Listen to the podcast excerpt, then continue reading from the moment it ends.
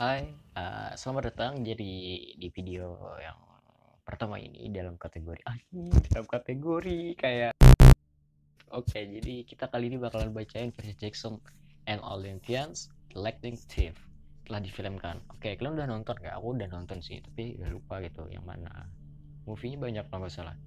Ini buku ini dikaryakan oleh Eric Riordan. Buku satu Pencuri Petir. Oke, okay, kita langsung aja ya, nggak usah baca-baca itunya nggak jelas gitu aja. Oke, satu. Aku tak sengaja memusnahkan guru pra aljabarku. Aku tak pernah ingin jadi anak blasteran. Kalau kau buat cerita ini karena kau pikir kau anak blasteran juga. Oke, uh, by the way, kalau kalian nanya blasteran itu apa sih? Blasteran itu kayak uh, emak lu orang Rusia, bapak lu orang Jerman, terus kawin, terus lahir lu, lu anak blasteran anjir. Oke, jadi tutup buku ini sekarang juga jika kau anak blasteran juga. Oke, pokoknya percaya saja apa pun kebohongan yang diceritakan ayah ibumu tentang kelahiranmu. Dan cobalah menjalani kehidupan normal. Menjadi blasteran itu berbahaya, menyeramkan, tidak jarang membuat orang terbunuh secara menyakitkan dan mengerikan. Jadi anak psikopat dong, blasteran. Anjir. Kalau kau anak normal yang membaca ini karena menganggap ini fiksi, bagus. Silahkan baca terus, aku iri denganmu. Bisa percaya bahwa semua peristiwa ini tak pernah terjadi. Tapi, kalau kau mengenali dirimu di halaman-halaman ini, kalau kau merasa sesuatu melihat dalam dirimu, cepat hentikan bacaanmu.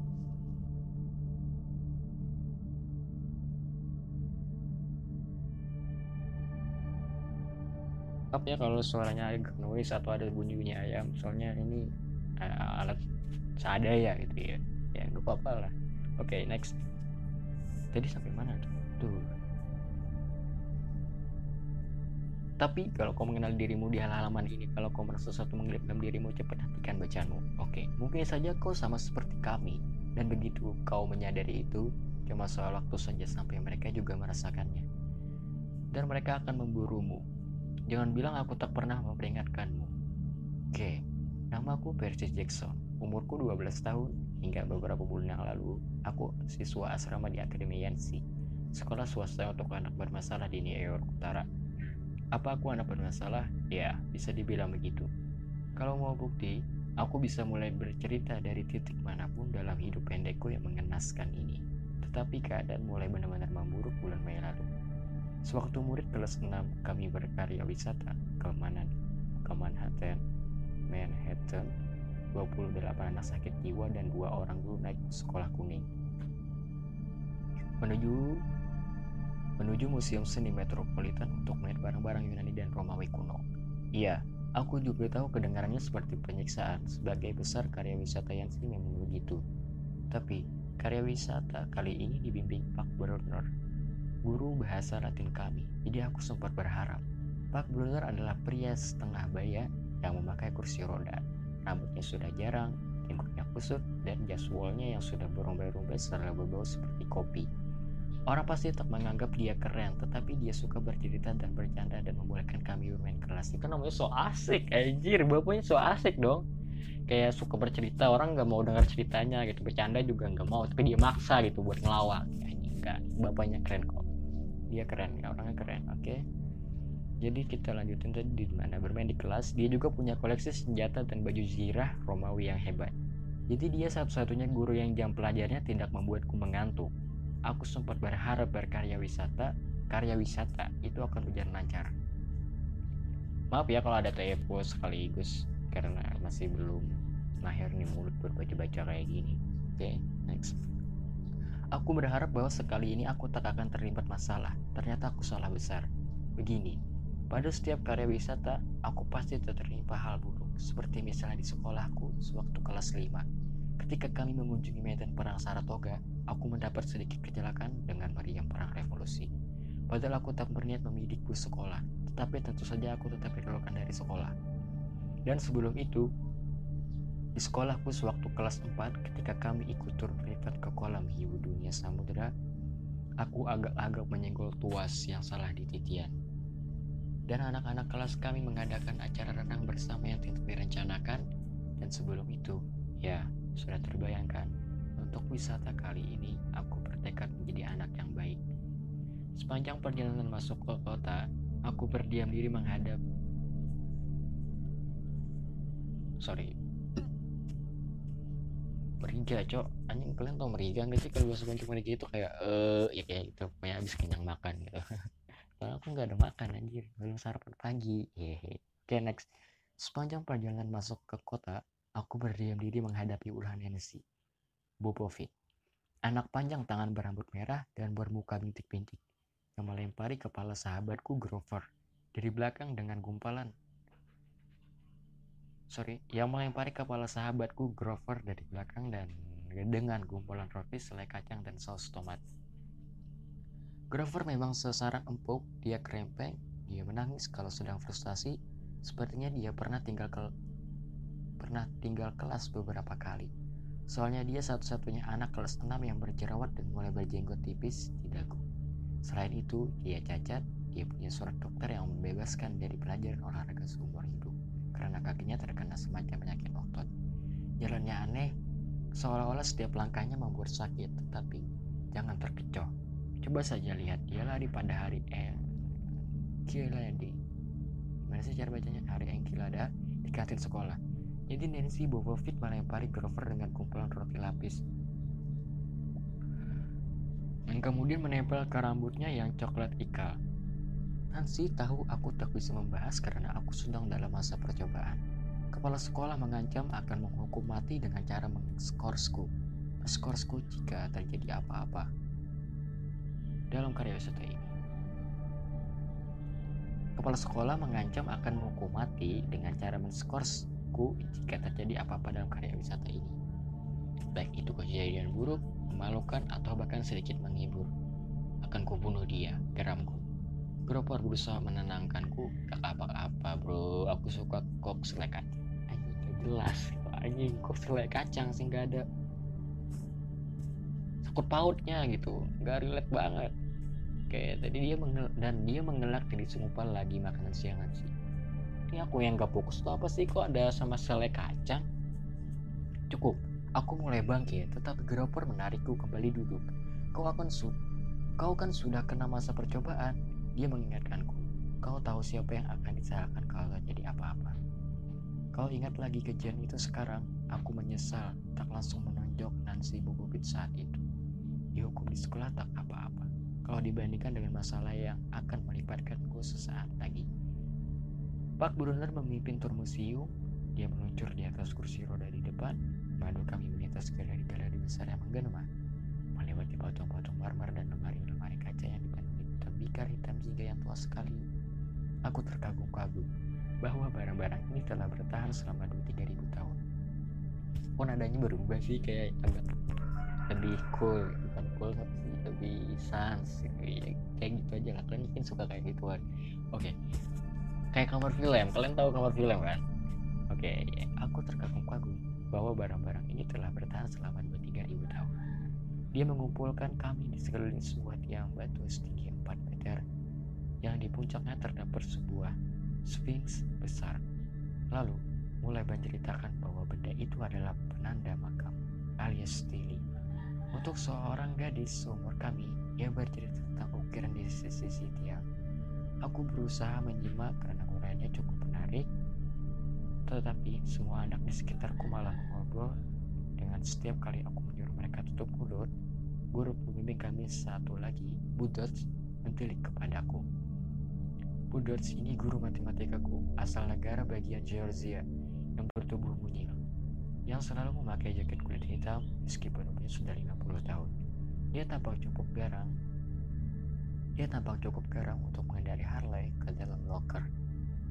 Dia datang karena dia datang ke Yancy pada pertengahan tahun ketika guru matematika kami Hasbul mengalami gangguan kejiwaan. Sejak hari pertama Bulldogs menyukai Nancy Bovovic dan menganggapku anak setan, ia sering menudingku dengan jari bengkok dan berkata, Nah, anak manis, dengan manis sekali. Dan aku langsung tahu aku akan diskor sekolah selama sebulan. Suatu kali, setelah dia menyuruhku menghapus jawaban dari buku-buku latihan matematika tua sampai tengah malam, tua sampai tengah malam, aku bilang pada Grover, kayaknya Bulldogs itu bukan manusia, Grover memandangku sangat serius dan berkata, Kau benar sekali. Pak Brunner terus berbicara tentang seni pemakaman Yunani. Akhirnya, si ibu Purfit terkikis sambil mengatakan sesuatu tentang cowok bugil pada stele itu. Dan aku berbalik dan berkata, tutup mulutmu bisa kak sih? Ucapan itu keluar lebih nyaring daripada yang kuniatkan. Semua anak tertawa, Pak Blunder berhenti bercerita. Jackson, katanya tadi kau berkomentar. Mukaku merah padam. Kataku, gak Pak. Pak Blunder menunjukkan salah satu gambar pada Steele. Still, coba kau ceritakan apa yang dilukis, dilukiskan dalam gambar ini. Aku memandang ukiran itu dan merasa lega karena aku ternyata mengenalinya. Itu Kronos, lagi makan anak-anak, iya kan? Betul, kata Pak Brunner. Jelas belum puas, dan dia memakan anak-anaknya karena karena aku memutar otak, berusaha mengingat Kronos itu raja dewa dan dewa. Tanya Pak Brunner. Titan, aku membetulkan, dan dia gak percaya pada anak-anaknya para dewi-dewi itu jadi eh jadi eh Kronos memakan mereka iya kan tapi istrinya menyembunyikan si bayi Zeus dan menggantinya dengan batu untuk dimakan Kronos. Lalu belakangan, waktu Zeus sudah dewasa, dia menipu ayahnya, Kronos, supaya memuntahkan kakak-kakaknya. Ih, kata seorang gadis di belakangku. Lalu ada perang besar antara bangsa dewa dan bangsa titan. Lanjutku, dan kaum dewa menang.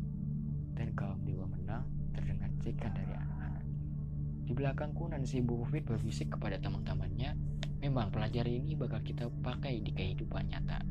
Pada formulir lamaran kerja kan, gak bakal ada pertanyaan. Jelas mengapa Kronos melabang anak-anaknya. Dan Jackson, kata Brunner, mengutip pertanyaan bagus dari Bob Fit. Mengapa pengetahuan ini penting dalam kehidupan nyata? Nah, lo ketahuan. Gumang Corover, cerewet, Desi Nancy. Is Nancy, bukan merah bahkan lebih cerah daripada, daripada rambutnya. Setidaknya dia kena sindir juga, hanya Pak Blunder yang pernah menangkap Nancy berkata jelek. Telinga Pak Blunder seperti radar, aku memikirkan pertanyaan ini, lalu mengangkat bahu. Gak tahu Pak. Baiklah, Pak Blunder tampak kecewa. Oke, kau mendapat setengah nilai, Jackson. Zeus memang memberi Kronos makan campuran mostar dan anggur. Makan itu membuat Kronos memuntahkan kelima anaknya yang lain. Anjing dimuntahin. Aduh, receh anjing. Jadi udah serius yang udah kayak hanyut itu malah kayak jadi konyol. Kok anak muntah gitu? Kok anaknya dimuntahin? Dan kalau siapa sih Kronos itu cewek atau cowok sih? Sehingga mereka dewa yang hidup kita lanjut dulu ya. Tentu saja karena mereka dewa yang hidup abadi, Selama itu mereka hidup dan tumbuh dewasa tanpa dicerna dalam perkusi titan. Keenam dewa dewi itu mengalahkan ayah mereka, mencincangnya dengan sabit miliknya sendiri dan menyebarkan jasad dan menyebarkan jasadnya di Tartarus. Bagian tergelap di dunia bawah, dengan akhir cerita yang bahagia itu sekarang waktu makan siang. Budot, tolong pandu mereka keluar museum. Anak-anak berjalan pergi, anak-anak pernah membagi perut, anak-anak laki saling mendorong dan bertingkah seperti anak idiot. Aku dan Grover baru mau mengikuti ketika Pak Bruner berkata, Jackson, sudah kuduga ini akan terjadi. Aku menyuruh Grover jalan lebih dulu, lalu aku menoleh kepada Pak Bruner. Pak, Pak Bruner punya tatapan yang menyeret mata coklat ganas yang terasa seperti berusia seribu tahun dan sudah pernah melihat segalanya. Kau harus mengetahui jawab pertanyaanku, kata Pak Bruner kepadaku. Tentang bangsa Titan, tentang kehidupan nyata. Sasageo, Sasa Titan dipopulerkan oleh Attack on Titan kan? Bener gak sih? Gak juga. Titan mah banyak nggak di cuma di Attack on Titan. Eh Kingkong aja Titan sebetulnya cok oke okay, next tentang bagaimana manfaat pelajaran dalam kehidupan nyata oh yang kau pelajari dariku katanya sangat penting kau harus sungguh-sungguh mempelajarinya aku hanya menerima yang terbaik darimu versi Jackson Aku ingin marah kenapa dia terus menekanku terlalu keras. Memang sih, turnamen yang diadakan cukup keren juga. Pada hari-hari itu, dia berbaju zirah Romawi dan berseru, Ayo, sambil mengancungkan pedang ke arah kami yang bersenjata kapur. Dia menantang kami berlari. Papan tulis dan menyebutkan setiap orang yang ini Romawi yang pernah hidup. Dan ibu mereka dan dewa apa yang mereka sampah. Yang mereka sembah.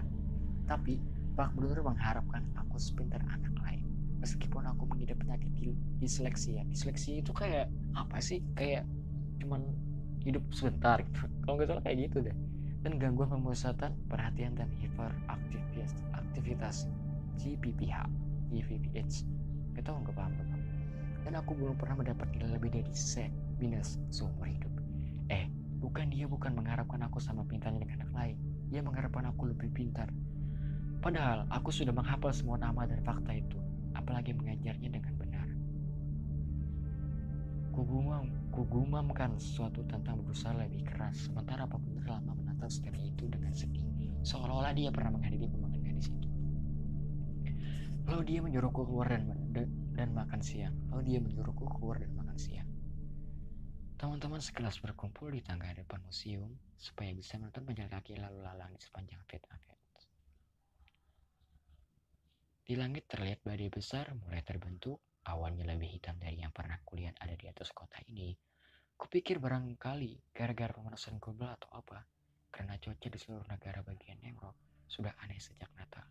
Kami dilanda badai salju hebat, banjir, kebakaran hutan, akibat sambaran petir. Aku tak akan heran kalau ini akan nanti jadi spontan. Aja jadi spontan, topan, cok, anjing. Tipu mulu, bukan tipu sih, mata udah raum. Oke. Sepertinya tak ada orang lain yang memperhatikan beberapa jauh melepari burung. Darah dengan biskuit bekal. Dan si Bupit berusaha mencopet sesuatu dari tas seorang wanita. Dan tentu saja budut menutup mata. Aku dan Grover duduk di tepi air mancur, menjauhi anak-anak. Kami pikir kalau kami menjauh, mungkin orang lain tak akan tahu bagi tahu bahwa kami berasal dari sekolah itu sekolah untuk anak-anak aneh dan pecundang. So fucking weird. Yang tak punya tempat di sekolah lain. Scores, tanya Grover. Gak, kataku. Brunner gak pernah men-scores, tapi kenapa sih dia selalu menggangguku? Aku kan bukan anak jenius. Grover tak berkata apa-apa beberapa lama. Lalu sewaktu kusangka dia akan berkomentar pada filosofi untuk menghiburku. Dia berkata, Apel buatku ya? Aku tak terlalu berserah makan, jadi kubiarkan dia mengambilnya. Uh, durasinya udah 17 menit, jadi kita stop dulu di sini ya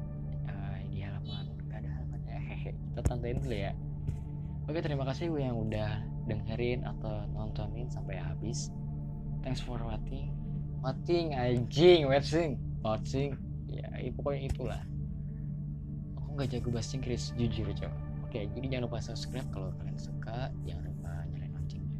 Ya lonceng lonceng aduh cringe banget ya kayak ngemis gitu. Eh, jangan jangan lupa nyalain subscribe ya. Eh jangan lupa lonceng subscribe juga.